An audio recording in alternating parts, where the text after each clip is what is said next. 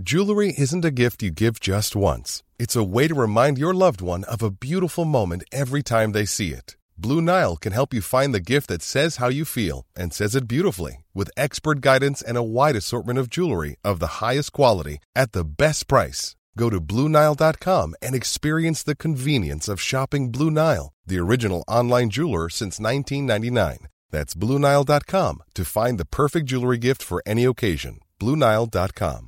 Hey, I'm Ryan Reynolds. At Mint Mobile, we like to do the opposite of what Big Wireless does. They charge you a lot, we charge you a little. So naturally, when they announced they'd be raising their prices due to inflation, we decided to deflate our prices due to not hating you.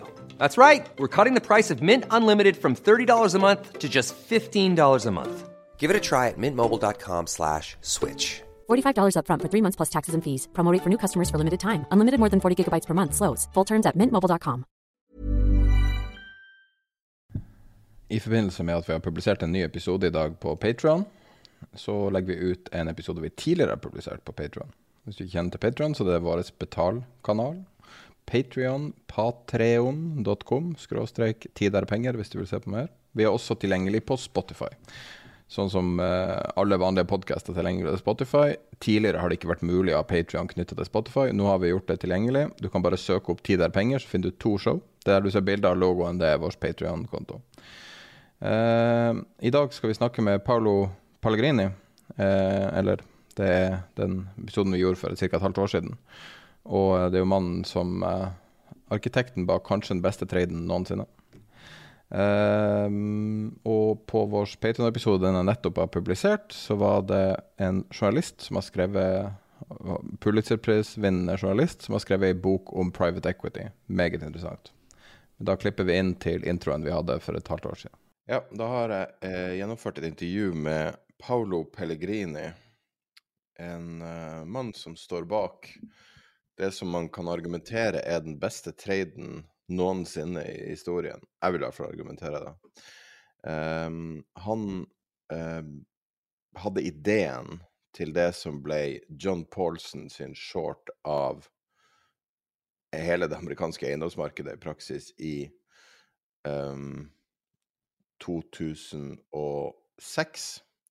Så han starta ikke først, men de hadde den største avkastninga. Fondet til John Paulson steg med ca. tigangeren fra 3 milliarder dollar til 36 milliarder dollar i perioden. Um, og vi har fått snakka med han nå i en time og fått høre detaljer om, um, om hvordan det var. Hva du syns du om det, Peter?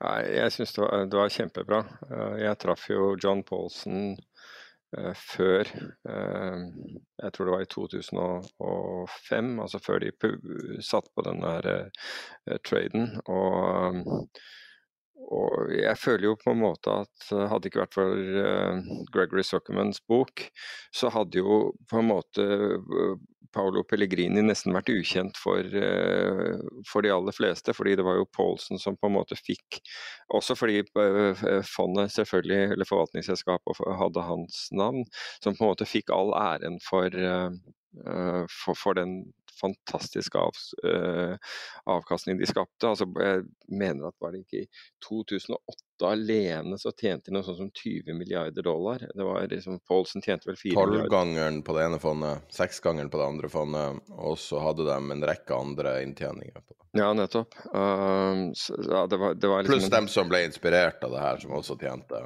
vanvittig mye.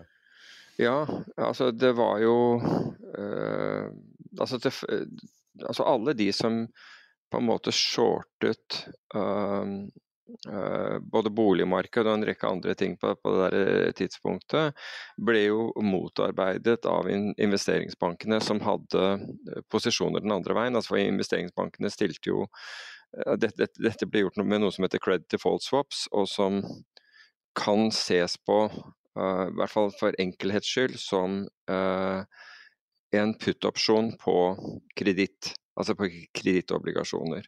Brannforsikring på naboen sitt hus, er det også noen som kaller det? Ja, men altså, du, jeg vet det at den kritikken kom at liksom, man skulle ikke få lov til å gjøre det, men det er jo det du gjør altså hver gang du kjøper en put-opsjon. Altså kjøper du en put-opsjon på Equinor uh, uten å være aksjonær i Equinor, så er det jo akkurat det samme. Så jeg, jeg kjøper ikke det der argumentet, men bankene og en del andre, bl.a. Warren Buffett, altså som med hans Berkshire Hathaway, utstedte jo disse CDS-kontraktene hele tiden for å, for å, få inn premie. Fordi det er det du betaler når du kjøper en sånn CDS-kontrakt, så betaler du som regel halvårlig eller årlig eh, premie på den. Og en, en CDS-kontrakt er sånn typisk alt fra fem til, til ti år eh, lang. Du kan få de kortere også, men, men, det var liksom det som var vanlig å kjøpe fem- og, og ti års eh, eh CDS-kontrakter altså investeringsbankene tjente voldsomt med å legge ut disse her, og, og utstedte disse her på, på, veldig mye på egen bok. og Det samme gjorde bl.a.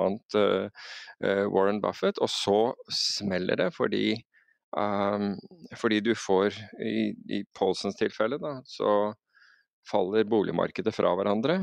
Um, og boligverdiene absolutt tryner, og disse lånene, altså det man hadde gjort var å ta boliglån og, og sette de sammen til slik at du fikk liksom en portefølje av lån. Og så fikk man eh, disse kredittratingsbyråene. De var totalt korrupte på den tiden. De aller største navnene som du, man kjenner, var totalt korrupte.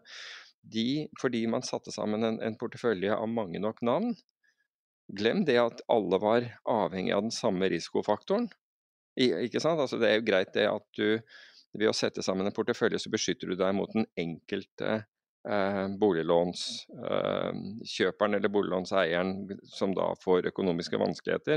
Men du, men du er allikevel eksponert mot hele, hele eiendomsmarkedet hvis det, det, faller. Så du har egentlig én stor risiko. Det til tross så ga da disse ratingbyråene disse lånene, Triple A, altså den høyeste ratingen du kunne få som om det var null risiko. Altså du, fikk, du, du fikk en rating på, på, nivå med statsobligasjoner. Og dette oppdager jo da eh, Pellegrini. Og altså det som er greia med han er jo, som sagt, Hadde det ikke vært for Greg Zuckermans bok, så hadde sikkert de aller aller færreste noen gang hørt om, eller fått vite om han. Fordi Michael Lewis, som da skrev boken 'The Big Short', som fikk denne her fantastiske tittelen, og som senere ble til, til, en film, han laget jo dette her eh, mye bredere. Han tok jo for seg veldig mange andre som, uh, som gjorde ting, blant, blant annet uh, Sign Capital, hva han heter, han autistiske legen? Michael Burry. Ma Michael Burry, nettopp. ikke sant, Han tar den. Men han, det var jo en del oppspinn, en del uh, Ikke oppspinn, men en del manipulering av dataen for å lage en bedre historie. og ja. Det som er så dumt, er jo pga. filmen og pga. Brad Pitt og alt sammen, så tror folk at det er storyen. Ja, så den storyen er ikke helt på, på, på jordet, men, men den, er, den, er, ikke presis på noen måte. Og, og den, den, får ikke liksom frem akkurat hva som er Altså, den virkelige historien kommer ikke frem. Ikke den granulerte historien, den som i detalj kommer ikke frem. Det blir mye sånne generaliteter i den. Og, og, og filmen er jo fornøyelig, den. Jeg har ikke noe problem med den. Men, eh, men Paolo Pellegrini han, på, han, var jo på en måte hjernen bak dette. Og, og, begynner å sette på denne traden allerede så tidlig som i 2006. Men han klarer å gjøre det på en måte hvor de har, hvor de har positive carry, altså med andre ord istedenfor å betale uh, hvert halvår eller hvert år, som jeg nevnte, premie, og dermed ha en netto premieutlegg og, og, et tap hvis ingenting skjer, så hadde de andre ting eh, de investerte i som på en måte betalte for, for eh, denne beskyttelsen. Det er litt som, som Boas Weinstein med Saba Capital gjør, gjør, i dag. Boas var for øvrig også aktiv i, under, um, un, under finanskrisen. Men det, og Derfor syns jeg det er veldig ålreit at Pellegrini kommer frem. Og jeg syns det er fantastisk at, at vi, vi, eller du, fant, fant frem til han. Rett og slett du. Det er du som fant frem til han. Jeg nevnte navnet, og du fant frem til han. Og han, det som slår meg i intervjuet, er at han er jo utrolig ydmyk. Han er veldig lojal i forhold til altså han, han, han skilte lag med, med John Polson etter, etter, dette. Startet sitt eget eh, hedgefond som ikke lykkes. Altså, det er litt sånn one trick pony. Du finner den der ene traden, og den går inn veldig, og så har du vanskeligheter med å Og så, så forsøker man å, å, gjenta den suksessen, og, og, i mellomtiden så forandrer markedet seg. Dette har jo skjedd med, med folk gjennom tidenes morgen. Men han er lojal i forhold til, til Paulsen og de uenighetene de hadde etter dette. Uh, og det var jo litt om, dreide seg litt om fordeling av hvordan av uh, altså bonuser og suksesshonorar og den, den, type ting. Så, men jeg, nok han har historiens største analytikerbonus. Vi vet jo hva det er, men av respekt for han så skal vi ikke dele det. Ja, det, det, det, det, har han nok, men i hvert fall han starter for, for seg selv og, og starter sitt eget fond. Og, og, nettopp fordi han akkurat gjentok den samme handelen som da i et marked som endret seg, så, så, ble ikke det noe suksess. Og nå, så vidt jeg forstår, driver han i en helt annen bransje, men han er jo da han er jo da godt bemidlet, for å si det, for, si det forsiktig. Og, ja, og en sjarmerende fyr. Så Nei, altså Han var veldig uventa. og hele, jeg fikk nei, for at Når jeg satt og researcha han før, for det kom litt sånn plums på hele, hele, intervjuet, og det som slo meg, var at jeg tror kanskje han hadde veldig behov for å snakke om det. Jeg tror han hadde irritert seg over uh, filmen The Big Short og Bare det, det er det poenget at de på en måte stjelte navnet fra traden, for Big Short var mm. John Paulson sin short. Ja, ja, ja absolutt. For det, altså, nøkkelordet der er big. Ja, nettopp. Og, jo, jeg, og, det er ikke om å gjøre å være først. Sion Capital var først, det sier han jo også. Men, eh, og, og, de kjente jo ikke til det da, men det er ikke om å gjøre å bare være først, det er ikke det som er en trade. Å være, å være early å være wrong, og det fikk jo Zion Capital oppleve også. At de, mm. de tapte jo masse oppsider og, og bærte utrolig mye kostnader fram til det endelig lykkes. Ja. Uh, sånn at det her syns jeg er minst like mye en studie i teknisk gjennomføring og forståelse av instrumenter på et dypt nivå som ingen av de andre som også tok æren, sånn som Green f.eks., og, og andre som, som, så vidt blir nevnt i intervjuet. Så Nei, bare altså, veldig fascinerende å høre. Ja, jeg, jeg, er helt enig med deg. Og, og så, så, tror jeg at det er utrolig fascinerende. Og, og, dette skjer jo i finans, fordi det er på en måte de som fortsetter og, og de som har altså, stemmene videre, som, som, bestemmer egentlig hvordan historien skal skrives. Um, og i og med at Pellegrini da er ute av, av finans, så, så har, ikke har, ikke han hatt en stemme til å på en måte korrigere. fordi det blir jo gjerne ikke sant, det, det, Man sier at det er vinneren som som skriver historien, og, og, historien preges nettopp av det. Og Derfor så tror jeg at eh, Paolo Pellegrini satte pris på å få, få, lov til å på en måte gi mer color da, til, til, til, hva som skjedde. og Dette er jo en av de, en av de største tradene noensinne. ikke sant? Og, og jeg syns det er viktig at det, det riktige eh, kommer frem her. I, eh, i, intervjuet du gjør med han, så, så er han inne på dette med eller du, du, nevner dette med, med, med frontrunning, og hans, eh, hans uh, definisjon av det er faktisk litt feil. fordi Han sier at frontrunning er når, når banken eller meglerhuset tar posisjonen uh, som, som, du skal ha før deg, og så dumper den på deg. Det er jo ikke det. fordi det er jo at uh, Egentlig så er frontrunning at de tar, de tar din posisjon fordi du har gitt dem ideen. Og så, og så, kjøper de sant, til bedre kurser enn det du gjør. De trenger ikke å dumpe den tilbake til deg for at det er frontrunning. Det er jo, jeg tror det er snakk om like mye som lojalitet. At han ja, sier det, ja, det er det, men Lojalitet kan... overfor bankene.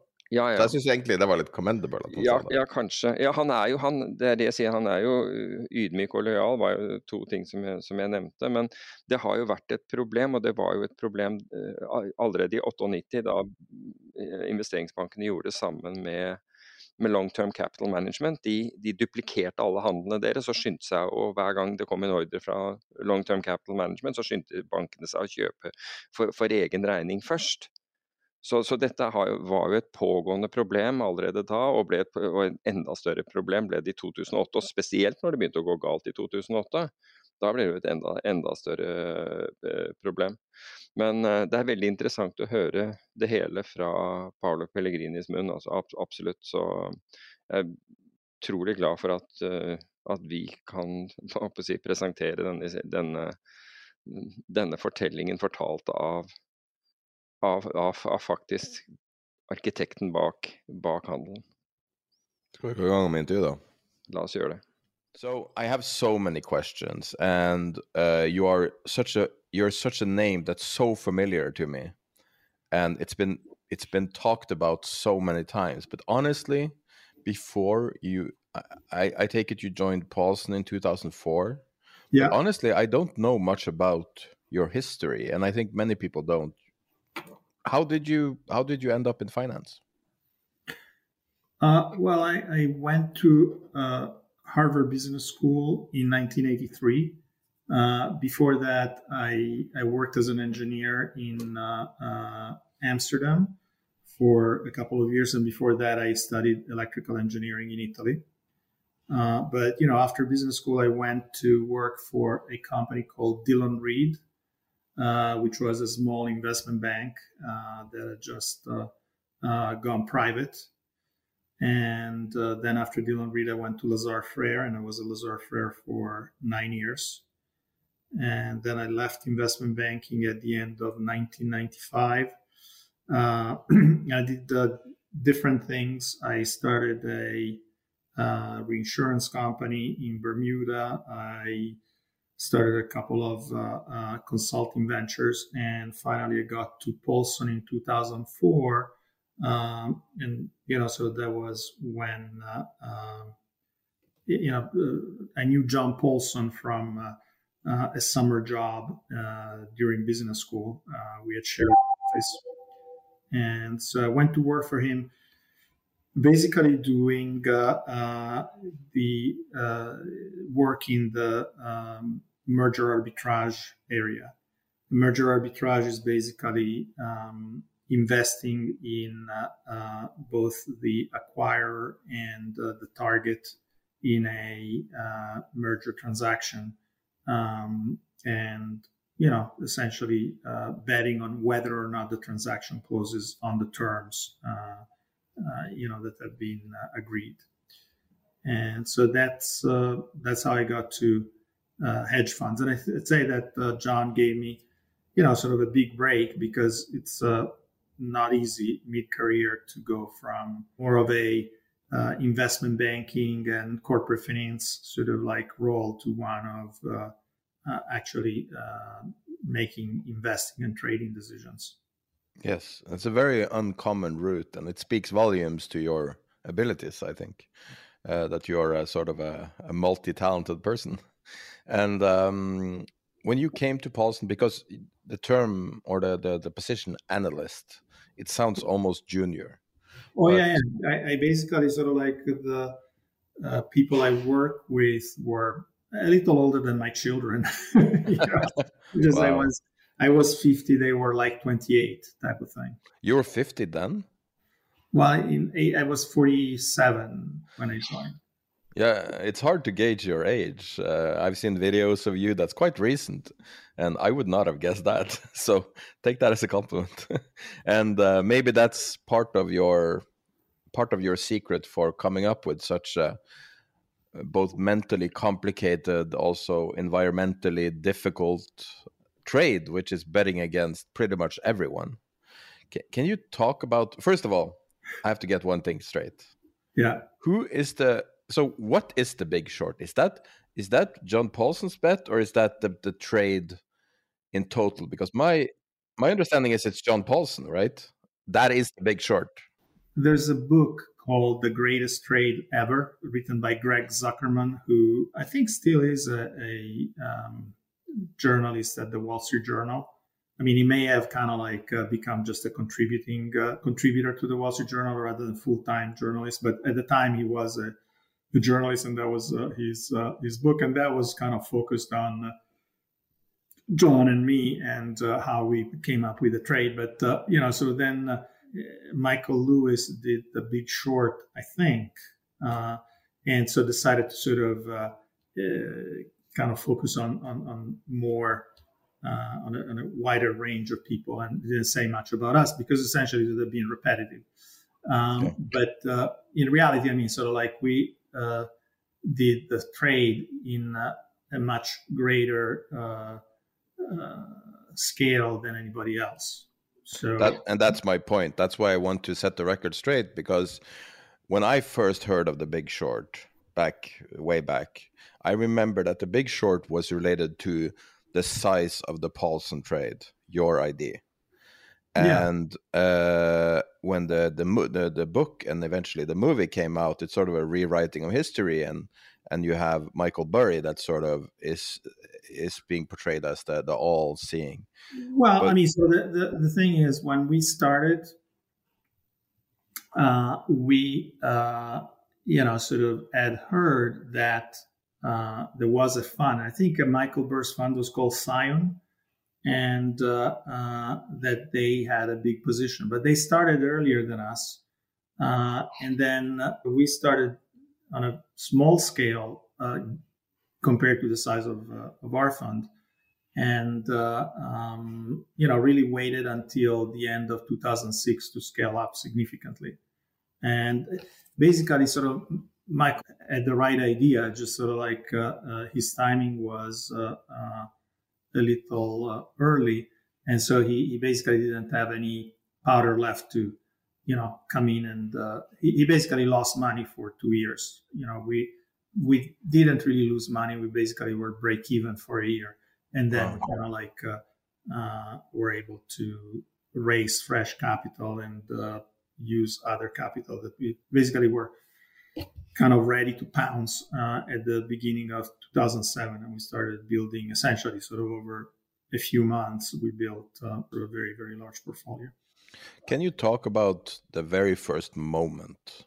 Can do I, I'm sure you must remember the moment you started either thinking about this, seeing something that inspired idea. Can you talk about what that was like and, and what happened? It's kind of like uh, I uh, tend to um, put together different, uh, you know, sort of uh, um, ideas and, and, combine them. The thing is, before Paulson, I was at uh, another hedge fund where I was connected with them because they had uh, funded my uh, reinsurance company. So I was there doing you know, a little bit of let's say consulting more than than uh, than trading. And uh, one of the partners there said once was that you know when you short a company, there is always the risk of a strategic transaction coming in and really sort of wiping you out.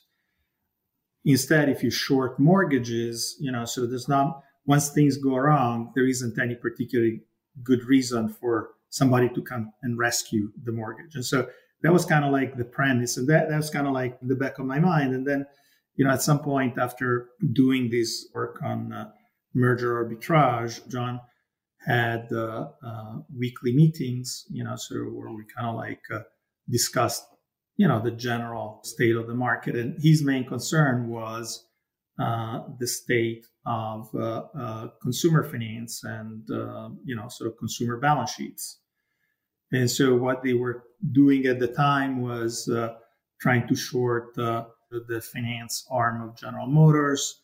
So essentially, you know, so they, they were focusing on uh, um, auto loans as one, uh, you know, sort of problem area. But uh, so the whole thing started slow in the sense that at that point, John was uh, not using any derivatives at all. So the first thing I did was I suggested that maybe we could short derivatives of MBIA, which was uh, a financial guarantee company, and uh, Countrywide, uh, which was a uh, essentially mortgage finance company. And so we we started doing that, and of course there were rumors that uh, at some point that Bank of America was going to acquire Countrywide, so there was volatility in our position. Uh, and so at that point, I said, but look, John, if you really want a short that uh, has uh, little downside, we should start shorting uh, mortgage securities. So then we had to sort of learn about mortgage securities. And it was kind of uh, an interesting thing because there were very quite different uh, type of securities. And so we started focusing on subprime, knowing very little about it. And there was a whole industry with tens of thousands of people who are dedicated to that that uh, that business was a trillion dollars of uh, outstanding assets. It seemed like crazy because the idea is that you had people who couldn't afford pretty much anything that all of a sudden were given these 12 and 13 percent uh, mortgage loans that obviously you know sort of were going to be very difficult to service and so it was kind of puzzling and we thought you know sort of this is going to go south quickly but then you know so there was kind of like uh, in, in any trade you know the question is what is the catalyst And so, why are we here? You know, it's not like the market is supposed to be sort of uh, somewhat efficient. So, you shouldn't have something so kind of out of whack. And so, so we, we basically sort of just uh, started uh, uh a small short position that was kind of like, uh, you know, I think was uh, a hundred million dollars, ten different pools of subprime mortgages, and we were paying a 1% credit default swap fee. You know, so basically we spent a million dollars a year to have protection on a hundred million dollars of. Uh, and this was the CDS on the MBS, right? That was the CDS on the mortgage on the triple B tranche of the residential mortgage-backed securities (RMBS). Yeah. And um, so, can, can, I ask you one one thing before we move on? I don't I yes. don't want to interrupt you at all, but it, it's just a point so when you say that people were paying 12%, they're getting mortgages with 12% interest. How did you come how did you find out this? How did you research your way to to these small details? Because I think a lot of the the the the brilliance in this idea is the research. And when you say that casually they were getting mortgages in 12%, how did you know that? Well, you know, so that's that's a very good uh, point, and it's kind of like you know, sort of like the barrier to entry, if you will, in uh, the hedge fund world is that basically, you know, you need people who will talk to you. So John had a very good uh, relationship with uh, Bear Stearns, which was its uh, his uh, prime broker. And so even though the Bear Stearns people thought that it was a little crazy, uh, you know, of they humored us and they let us speak with their mortgage analysts, and they had a they had a, had a strong bench, and they were doing a fair amount of uh, subprime origination themselves and uh, securitization. And so they were really sort of one of the, the big players. And so we kind of like got access to the research and then started getting, you know, sort of like if you look on uh, Bloomberg, or at least if you looked at the time on Bloomberg, uh, there was plenty of information about characteristics of uh, residential mortgage pools and then, you know, sort of like there were services that provided the information. That was kind of like a significant uh, accomplishment, I would say, over time. But, you know, so after the initial introduction to the this class of securities, then we started looking around for what we could do in terms of getting an edge of understanding. And uh, so we ended up uh, essentially buying uh, two databases. One was the, I think was called Loan Performance, which basically had uh, six million subprime mortgages, uh, and you know they basically had the monthly performance of the mortgages. It was a difficult database to to manage. So technically, it's kind of like a, a, lot of data for the technology at the time. So basically, sort of I found a provider who put the whole thing on this uh, database that was optimized for time series analysis. And then we also got uh, uh the Case-Shiller uh, database, which at that time I think was uh, was still sort of sold based on subscription. So home prices can be confusing. So there is a whole methodology that uh, Freddie Mac had adopted, and you know basically they provided data, but uh, it was data that didn't have a lot of granularity. So instead, we got the the Case-Shiller, which had basically zip code level data. And so then what we could do, I, can it can jump to sort of uh, the, the, the transition point, the inflection point, if you will, when we went from you know sort of having a hunch to being really convinced that this was kind of like an amazing trade and that was you know sort of towards the middle of 2006 because there was this uh, I, I, went to a conference analyst conference uh, uh, by the ceo of new century. New century was a company that was purely a subprime originator. And so i asked him about uh, the mortgages because uh, so there is another thing to, to be said. The subprime mortgages were issued with a teaser rate uh, that lasted for two or three years. So a teaser rate would be something where they paid, you know, maybe five percent, you know, sort of uh, uh, interest on the mortgage, but then the mortgage reset, you know, after two or three years. They basically went to, you know, sort of, as I said, 12 or 13 percent interest rate that was clearly uh, you know unsustainable for for the bar. But so I asked this guy and I said, so what's going to happen when uh, these mortgages reset? And so the guy told me, well, I mean, so take a family, there's a little uh, home, and you know, we give them a five hundred thousand mortgage, and then they come back two years later, and we give them another mortgage, maybe for seven hundred thousand dollars. it's so kind of like you know, sort of then then we kind of figure out what was going on, and you know, so basically this was kind of like really sort of uh, a, a treadmill where you know, sort of people got on, borrowed, got to the got to the uh, reset point in two or three years. Their house had appreciated. They got refinanced. They pulled out a little bit of money for themselves. They kept going. Then they did it again. And so then, you know, sort of kind of like we put two and two together and we said, okay, so what happens when prices stop appreciating? You know, you can't refinance. So then, you know, that's, uh, so that that's uh, kind of like uh, the setup. And so in terms of conceptually. And so then we got to the data. And so what we found in the data was one that, uh, um, you know, home price appreciation had basically uh, gone, I think was a, a 1.4% annual appreciation in real terms from something like 1980 to 2000. And so then we looked at the 2000 to 2005, and essentially the you know, home prices had kind of uh, exceeded the trend line by something like 40%.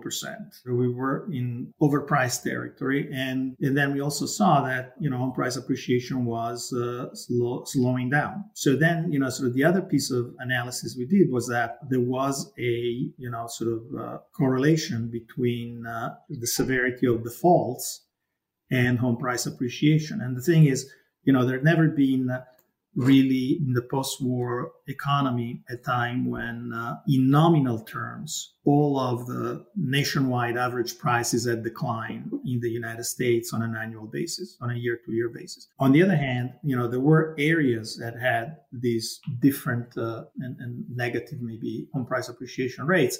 And so we could basically compare the defaults in the areas with negative appreciation with defaults in the areas with positive appreciation. So we could create a little bit of a function that said, okay, if home price appreciation declines to this level, that's what's going to happen to defaults and so on and so forth. And uh, putting those two things together, we concluded that if home price appreciation essentially leveled off, we would have losses that would be enough to wipe out the triple B tranche of most subprime securitizations. And so at that point, uh, after two years of basically kind of like seeing this trade going from you would make money on the trade if instead of having to pay 1% on uh, a new CDS, you would have to pay 1.1%, 1.2%, you know, sort of those would be sort of like uh, the typical kind of uh, returns you would see for about a couple of years. So that would be like, you know, you have maybe an exposure of a million dollars a year for five years, say it's worth five million in present value terms or some amount close to that. And your position may fluctuate by 1%. So 1% on 5 million is $50,000.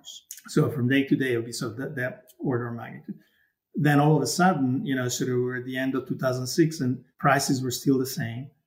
So we start loading up and we basically got, you know, sort of over a period of like uh, six months, uh, we just in the credit fund, we got to something like $12 billion of uh, uh, gross exposure, which means we had bought protection on 12 million billion dollars of triple B tranches of wow. subprime securitizations.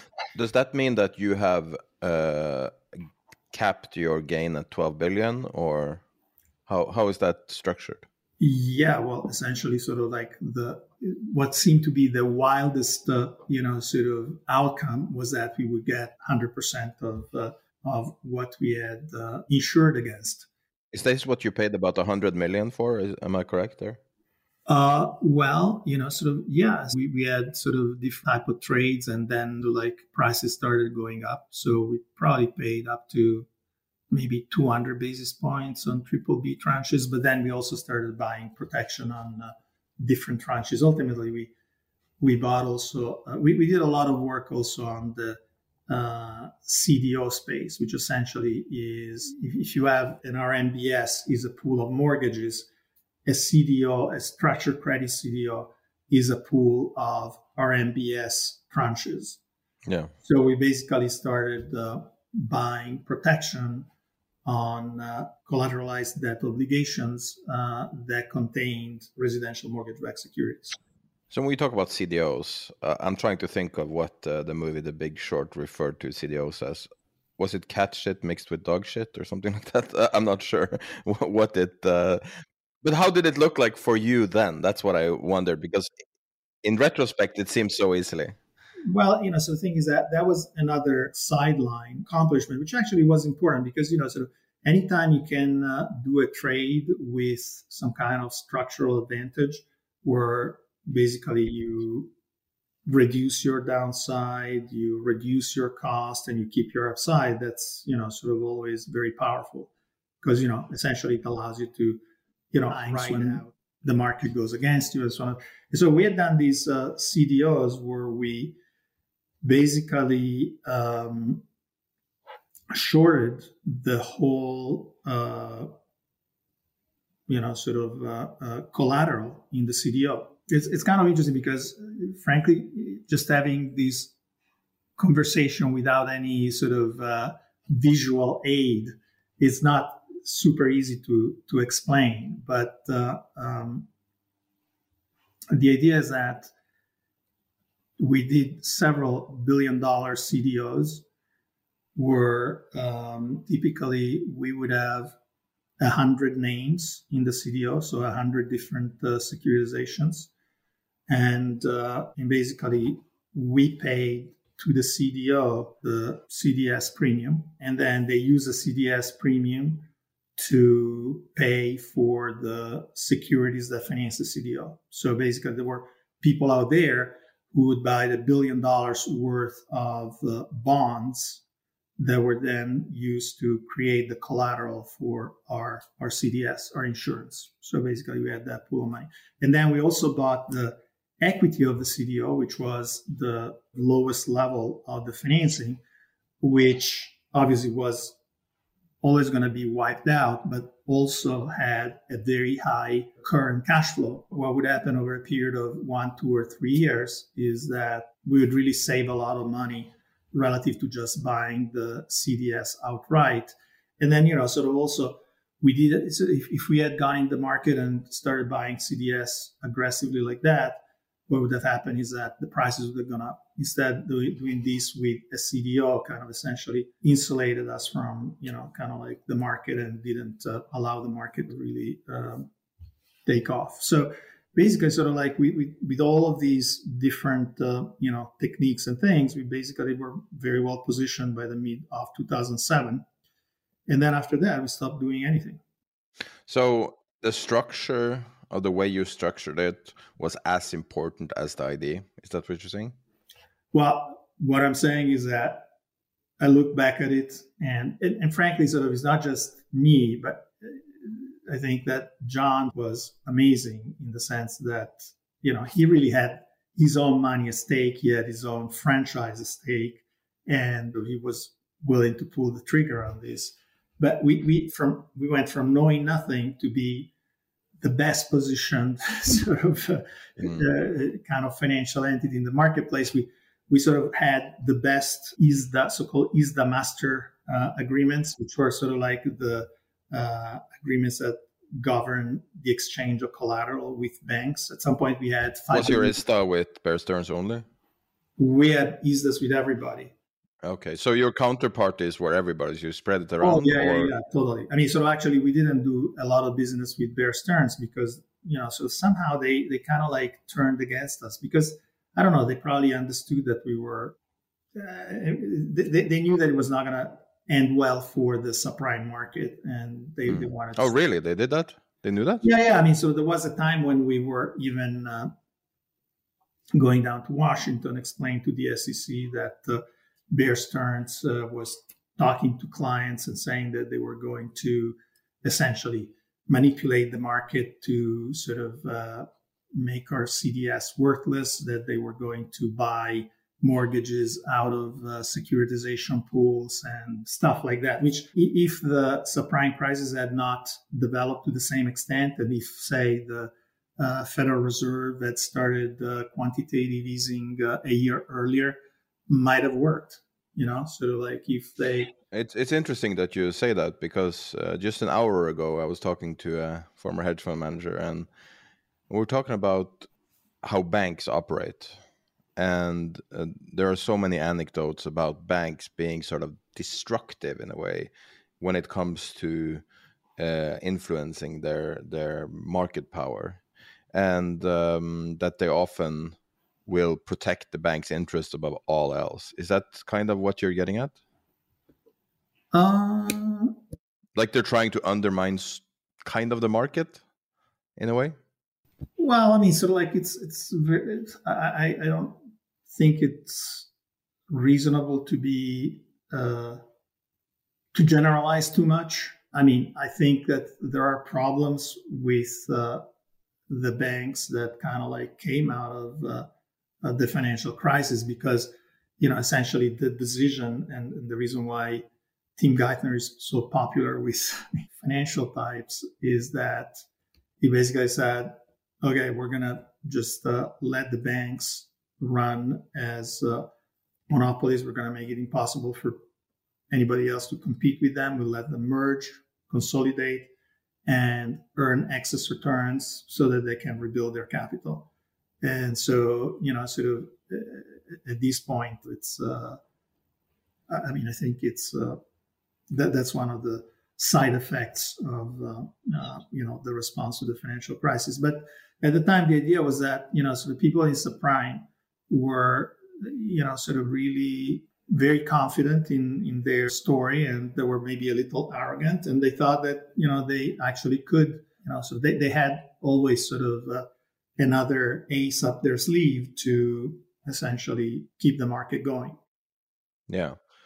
But that's that moves us to to the crux of the story which is the probably the most interesting part which is you sitting in an office coming up with this idea. The first uh, little bit of a um, crumbs of an idea that developed into a trade that developed into the big short with hundreds of, of millions of dollars maybe and hundreds uh, and, and tens of billion billions in exposure. So uh, what do you do in that situation when everyone is bullish?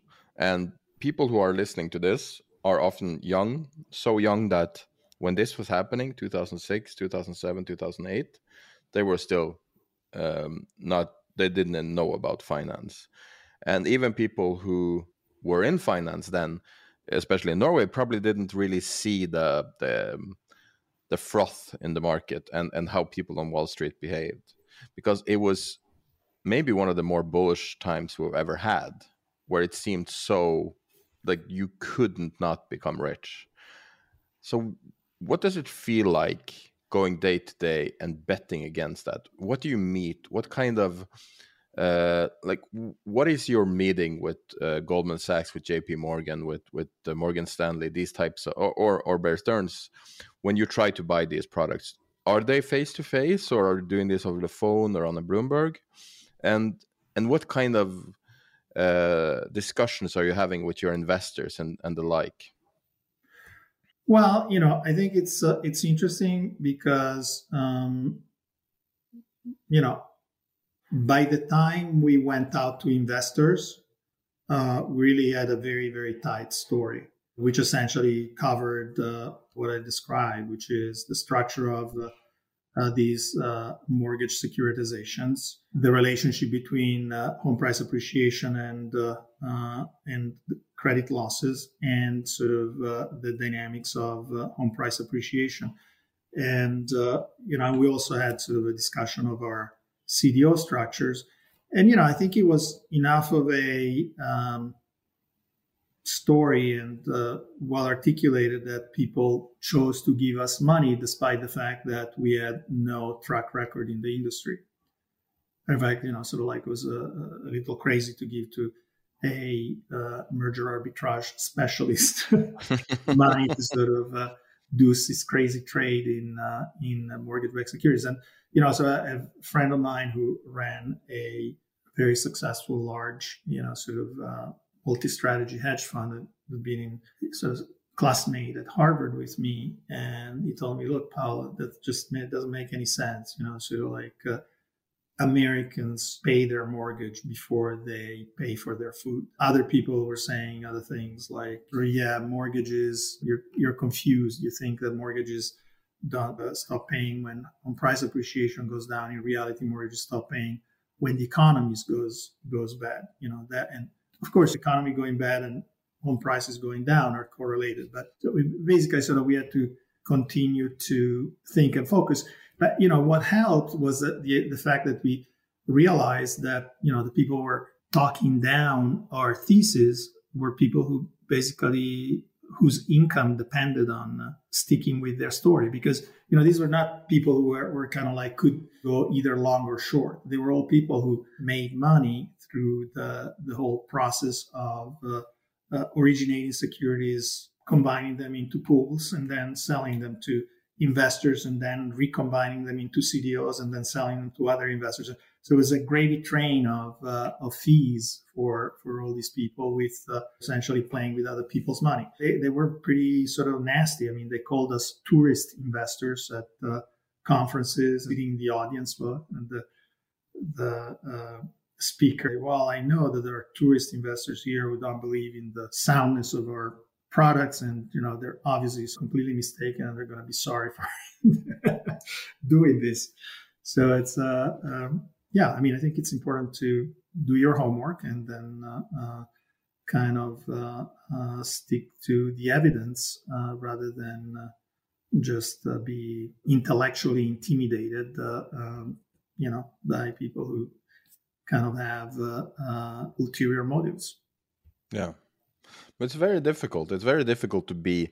People always say, especially in, in hedge funds, that contrarian this, contrarian that, and everyone's talking about contrarian. But being a true contrarian is difficult. People tell yeah. you you're an idiot, and you start believing, "Hey, am I an idiot? when the SEC started investigating all these things, sounded like a slam dunk, and we were the ones duping other people into. so, so it's kind of like you know, it's a, an interesting uh, going through the looking glass type of experience. Were you playing dumb when you say you were duping? Like you knew what would happen, you were so confident. Am I understanding? Yeah, basically, sort of like, like uh, the, the idea is that, you know, and, and the, the, the, reality is that we had done all the work and we obviously had a point of view, but we didn't set up any, any kind of uh, information that uh, uh everybody else didn't have.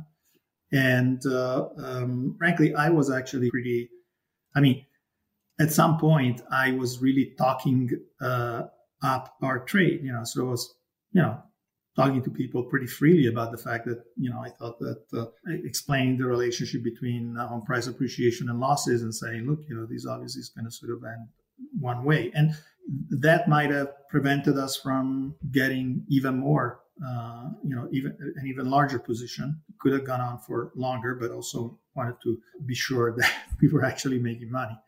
So, so you felt that you you talked yourself down in a way by being open about it that you could have been it could have been better? Is that what you mean? Honestly i could have been more circumspect less open about our views because for, for a, a, long while it was uh, it was important to continue to have counterparties who were willing to take these trades. The, the minute the minute people agreed with our thesis you know sort of uh, the market would change. The, the, the opportunity would go away which is what happened so we've heard we've heard stories about people that say, like you briefly mentioned, that Bear Stearns would buy up assets to to affect the the, the index, and uh, there has been stories about. Um, I mean, there there's been talk about, especially uh, things like Goldman Sachs, where they got on the other side of the trade before the trade moved. Did you? Is that just theories? Or did did that really happen? That the banks caught on to what was happening, they got on the right side of the trade, and then it started to move. Um, or is that just a crazy conspiracy theory? Uh, no, I mean, so like, so the, the idea is that Goldman Sachs and J.P. Morgan, which before the acquisition of Bear Stearns was not particularly big in the space, started basically hedging their positions. We we use Goldman a lot, uh, and we came around to our point of view. Okay, because front running is a huge problem, especially with exotic trades um, this is a smaller market. So I'm wondering, how, do you really mitigate that risk in such a specialized trade? When you talk about front running, you know, front running is when you know a customer is placing a large order and you go and essentially move the market against your customer and then dump it on the customer. So, you know, I don't know, sort of maybe Goldman uh, um, front, run, you know, front ran the market against us. But you know, the reality is that the way we we did the we built our positions is we did the daily auctions uh, and we solicited bids from all over the street. So we basically had ten different firms bidding on hundreds of securities. That sounds very smart. It sounds that the structure was very important in your trade. Again, other people did the same thing, and you know they came out okay. Like uh, uh, Jeff Greene, did I learn about the trade because we tried to sort of get him into um, into our fund and replicated the trade, and it still came out ahead. So, uh, but obviously, it couldn't be as leverage and probably had some uh, sweaty nights when he was trying to unwind the trade because you know again when we unwound the trade we were doing again auctions with everybody other investors may have been in a different uh, relationships with uh, their counterparties. They may not have been able to uh, assign their um, trades to others. So it's kind of like, you know, so it's a whole uh, set of logistics for being in the business for zero to, to sort of uh, from starting from zero for two years, you know, of we basically were kind of uh, going head to head with the Goldmans and the JP Morgans and the UBSs and the CSFBs and Bear Stearns and everybody else. Yeah.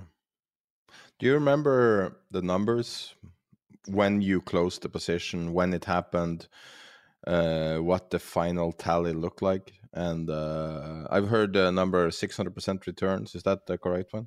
No, I mean, sort of uh, the first credit fund at a basically at a 12 times uh, pre-fees returns and 10 times. 12 times? Jesus. Yeah. and then the the second fund at you know six times and pre-fees five times after fees. But then there was also huge returns in all the other funds that basically had uh, taken positions essentially sort of characterizing them as market hedges. Because the cost was so low they could afford to sort of put in these huge market hedges that ended up putting them in a net short position, and so they they also had a huge return. But between uh, Paulson started with 3.5 billion uh, assets under management in uh, when I joined in uh, it was 3.3 billion, and uh, we finished at the end of 2008 we had 36 billion. Holy shit! So that's a combination. God. That's that a is a big fund. Gains and uh, and uh, um, additional subscriptions, but I'd say the gains were the the largest part of it. And obviously, John also did a great job in terms of uh, um, shorting the the banks in 2008. Yeah, that was my next question. He he bought puts on the banks, right? Uh, well, not puts. He basically shorted, and he shorted before the ban on shorting went into effect, so he could uh, basically continue to hold these shorts uh, all the way down to zero. Oh wow! Or close to zero. That's ama- That's an amazing trade. It is considered the best trade in history. Is it? It, it? Depending on how you view the term trade, I guess. Since it's fairly short time span, I guess it's the best ever. I don't know. So I mean, I think that you know, sort of like uh, uh, th- there was something uh, about um, Citadel basically making more money last year than uh, we did in the uh, subprime trade. Uh, I'm not sure whether I think it's there's a there's a, a Rothschild uh, entity in Switzerland that keeps track of uh, how much people contributed to their investors, and you know, of course, Warren Buffett is high up there, and uh, the, the the people who invested in Warren Buffett in the '60s, I think, is considered the best investment in history. There was a married couple, and they put in, I think, ten thousand dollars, and they got billions out. And uh, I think that's considered the best, like nominally, especially considered inflation. But uh, I think it's fair to say that yeah. uh, the Paulson short that you had the idea of is the best trade ever. Well, I mean, it's uh, uh it's quite, it's quite a compliment. It's quite a CV builder.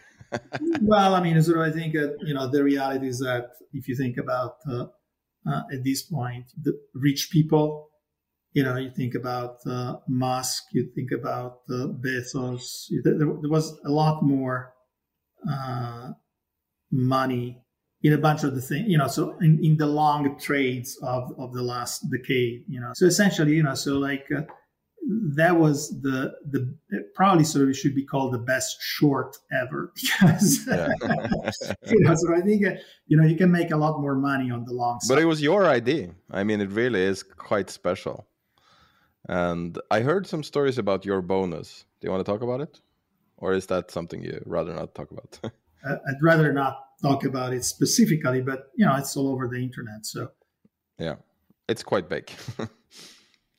Did you have shares in the in the funds or no, parts in the? I negotiated with John uh, a share of the of the performance fees for the credit fund. Yeah, and that was a two twenty fund, two and twenty. Uh, I'm not sure whether it was two and twenty or one and twenty. Let me think. Still, it's the twenty part that's important. Yeah, yeah. yeah. that's quite amazing. The fees must have been unbelievable. Yeah. And they and everybody made money. It's amazing. John made most of the money. yeah, of course. But what did? How did you celebrate? You and John. How did we celebrate? You didn't celebrate. But we had a of an investor dinner at the end of 2007. Maybe that was a celebration. You know, Christmas uh, sort of party for you know everybody. So it's yeah. I mean, we did that. The thing is, you know, it's important when you, when you do that kind of stuff, it's important to sort of keep a cool head, don't sort of get ahead of yourself. You know, frankly, so I was always sort of watching for the the potential of reversal of fortune. yeah, and uh, you launched your own fund uh, after yeah. that, right? Yeah. But you know, so I mean, I think that uh, um, it was like some another big hedge fund manager told me, well, uh, yeah, you're going to start your fund, you know, and you will discover what what you can and what you cannot do. So it's you know, I think a, to, a trade is a trade. Uh, running a fund is basically like running a business. You need to have a a routine, a model, of, and so I really didn't have that because you know, so my success was basically on a uh, on an uh, ad hoc analysis of particular market situation. And so obviously that kind of situation did not repeat itself. And I've heard you say something that's not so common. Uh, when you closed the fund, yeah. is it 2010, 2011? 2010. And you said that you didn't want the investors to feel to have unrealistic expectations. So you rather give the money back. That's quite an adult decision. Very unusual in finance. Unfortunately, there wasn't a I mean, so to me, it was kind of important to, if, if I wanted to do a fund, to have something distinctive to offer. And thing that I thought was distinctive was the fact that I spent a lot of time thinking about the issue of uh, you know chronic weakness of demand and therefore the likelihood that there would be fragility in the economy. The reality is that you know there's always the uh, the saying don't fight the fed. And you know the fed is really sort of hugely powerful. And essentially sort of like most of what happens is just a function of uh, essentially where is the current ideological point of view at the Fed. Before, you know, the financial crisis, so there was this notion, and I think that uh, Alan Greenspan sort of put it this way: basically that uh, the bank have banks have uh, a sense of self-preservation. They're smart, and if you basically don't create moral hazard, essentially the system is going to balance itself. And they tried for a little bit to sort of uh, stick to that view during the financial crisis. They got to the Lehman failure. Then after that, they say, you know, sort of screw it. We're just not, not going to have any of these constraints. We're just going to kind of like, uh, you know, sort of essentially support the market. Um, and, you know, so I think uh, uh, the more you push this type of um, um, approach, you know, the more sort of eventual instability you really are going to encounter. So the, the issue is that for me, I, I, realized that my approach, my sort of outlook was basically inconsistent with uh, the reality. I mean, sort of to some extent, I, I, think that having done so well on that trade and having uh, done so many things right, you know, it's uh, um, easy to feel that uh, um, you know you really sort of uh, have extraordinary powers beyond sort of anybody else's. and the reality is that there are a lot of smart people out there. There are a lot of people who work very hard. They work effectively uh, as part of uh, uh, large organizations with um, routines and methods to sort of uh, tackle problems. And you know, so it's kind of like uh, important to be sort of very humble.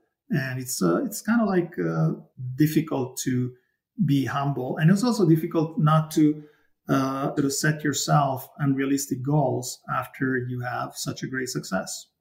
Your perspective is is so it's so uh, pure, I think, and you see the fact that you're able to see your own lack of abilities when you've made what many people consider the best trade ever, even though it's not has your name on it, has Paulson's name on it. Uh, I, I have seen a lot of uh, uh, people basically go from hero to zero. yeah, exactly. From zero to hero and vice and, and, and the other way around. I think that that's uh, something to keep in mind. It's important to sort of basically, and you know, from my perspective, at some point, you know, sort of I felt that uh, it's kind of interesting because uh, Peter Thiel had, let's say, one one failure in his uh, career, and uh, I think that that was uh, um, the Clarium Fund. But basically, we had the same point of view at that point. I remember we were at the conference, and uh, one of his manager he was there, but one of his managers sort of addressed the audience and sort of like uh, talking about uh, um, you know the situation. Basically, that was maybe a couple of months before I closed my fund.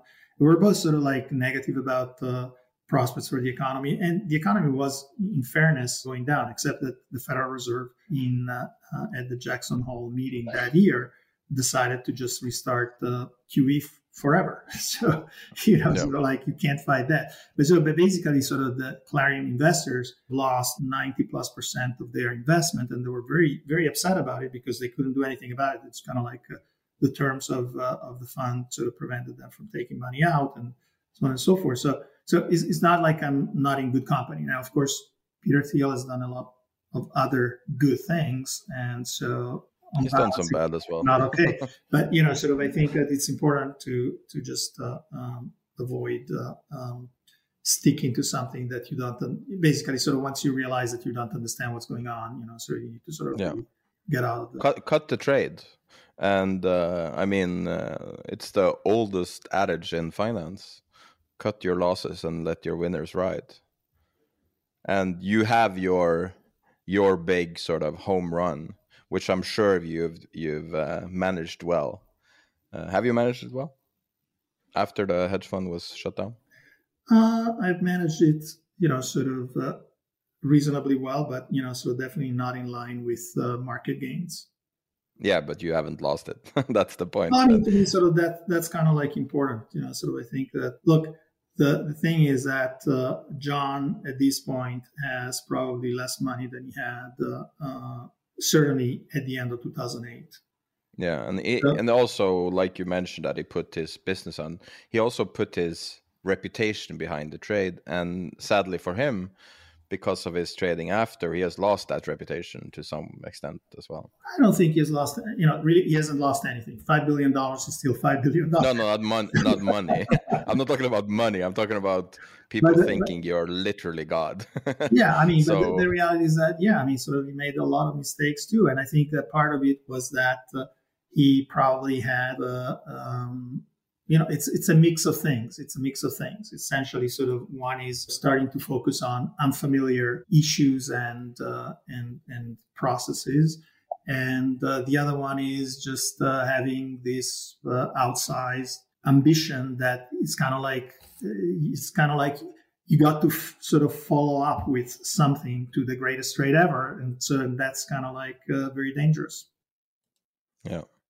So the the the what is it, a hundred million dollar question right now? I guess a hundred million isn't what it used to be, but uh, what do you think about the current situation? Well, it's uh, I mean, it's uh, uh, sort of a strange. Uh, I mean, it, it's again, it's similar to you know 2008, uh,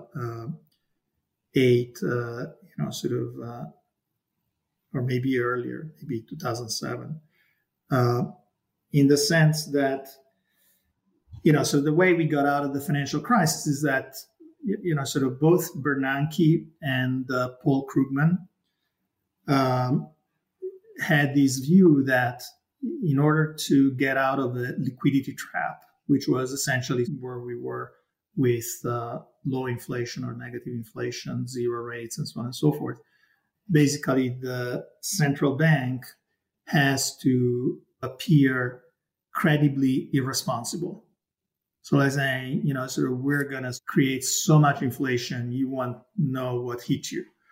And, so basically, that was kind of like, uh, you know, finally realized um, in the last 12 months or so.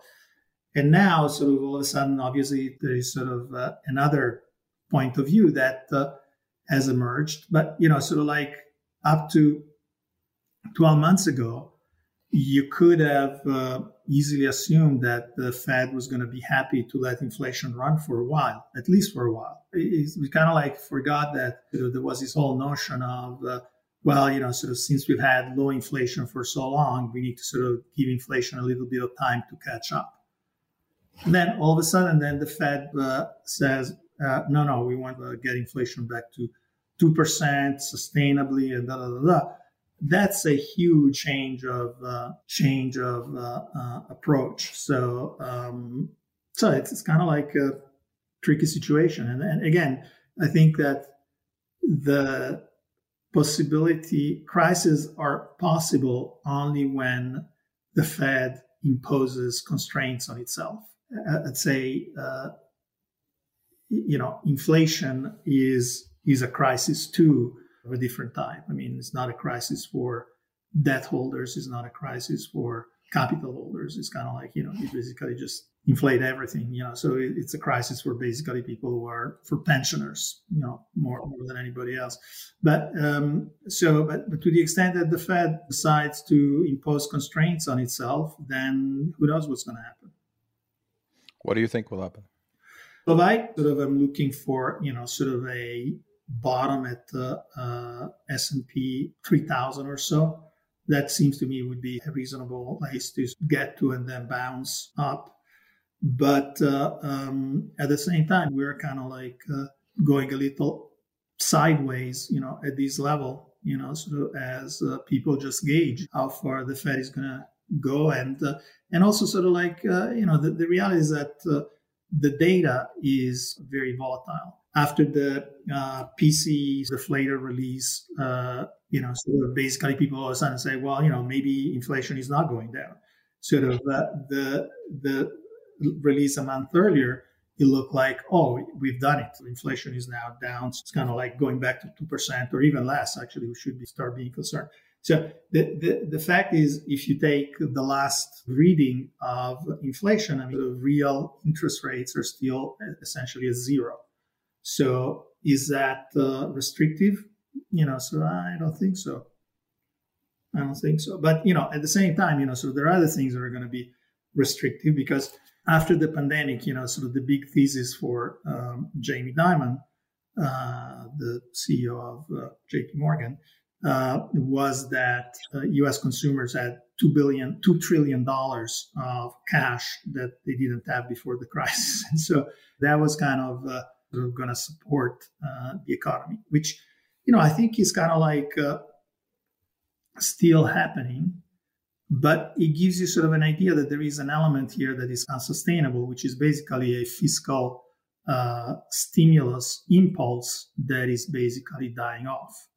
So, what happens once that's gone? Because, you know, so in my opinion, so the reason why the US economy sort of uh, had the problem, yeah, there was credit stop. But, you know, part of that was that Alan Greenspan had essentially engineered this sort of supplement to uh, demand in the US economy by having this so called uh, uh, home equity extraction process. So, this idea that people kept refinancing their appreciating homes and basically taking money out and spending it.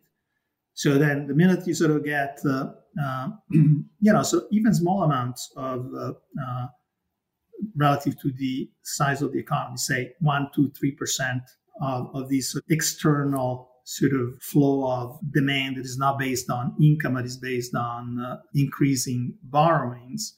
You know, once you take that out, the economy sort of like turns on relatively little uh, amounts at the margin. And then sort of if you get into a downward uh, trajectory, then, you know, it takes a fair amount of effort to reverse that.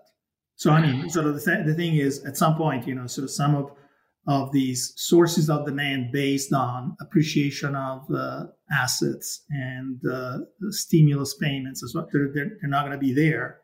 And so then when that happens, you know, sort of like the, the, the economy has to adjust. And so if you take demand out, then you're going to take income out, then you're going to take demand out and uh, it's going to ratchet down until it gets to some, some bottom where it can bounce again. I want to thank you so much for taking time to talk to us. It's been amazing. And it's been amazing to hear your point of view. All right. Thank you. Hey, it's Danny Pellegrino from Everything Iconic. Ready to upgrade your style game without blowing your budget? Check out Quince. They've got all the good stuff shirts and polos, activewear, and fine leather goods, all at 50 to 80% less than other high end brands. And the best part? They're all about safe, ethical, and responsible manufacturing. Get that luxury vibe without the luxury price tag. Hit up quince.com slash upgrade for free shipping and 365 day returns on your next order. That's quince.com slash upgrade.